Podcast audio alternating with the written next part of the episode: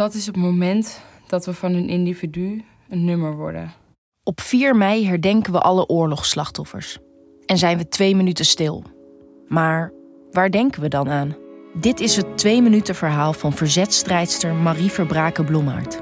Die in kamp Vught vier andere gevangenen ontmoette die minuten later werden doodgeschoten. Twee minuten die we nooit mogen vergeten. Haar kleindochter Eva vertelt haar verhaal. 14 maart 1944 word ik met een stel mensen in een overvalwagen naar een concentratiekamp Vught gebracht. Het is in Vught veel strenger. Er wordt bij binnenkomst grondig te werk gegaan. We moeten ons helemaal uitkleden en al onze kleren en bagage afgeven. Dan worden we gemeten en gewogen en er wordt bloed en urine afgenomen. Ook wordt er een röntgenfoto van onze longen gemaakt. Daarna gaan we met z'n vijven onder de douche en komen aan de andere kant van de doucheruimte in de bekleidingskamer. Daar staat Hetty klaar met onze kampkleren. Dat is het moment dat we van een individu een nummer worden. Ik ben nu nummer 0840. Ik word naar de doucheruimte gestuurd om een emmer warm water te halen. Als ik daar binnenkom, staan er vier mannen in gekreukelde pakken sigaretten roken. Ik voel aan de geladen sfeer dat hier iets helemaal mis is. Een van de bewakers moet de schrik op mijn gezicht hebben gezien.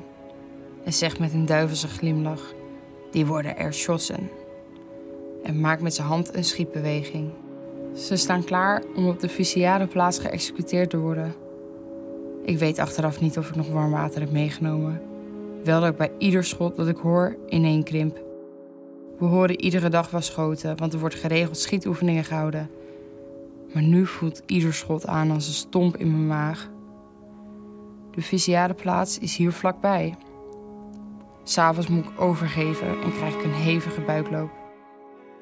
Ook voel ik me schuldig dat ik die mannen niet meer een hand heb gegeven. Ik vind het laf van mezelf.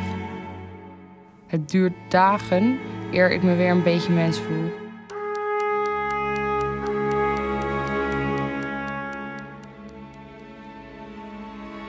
4 mei denk ik aan mijn oma die de oorlog heeft meegemaakt en alle anderen die dat niet hebben overleefd. Houd de verhalen uit de oorlog levend. Deel dit twee minuten verhaal zodat we niet vergeten hoe kwetsbaar vrijheid is.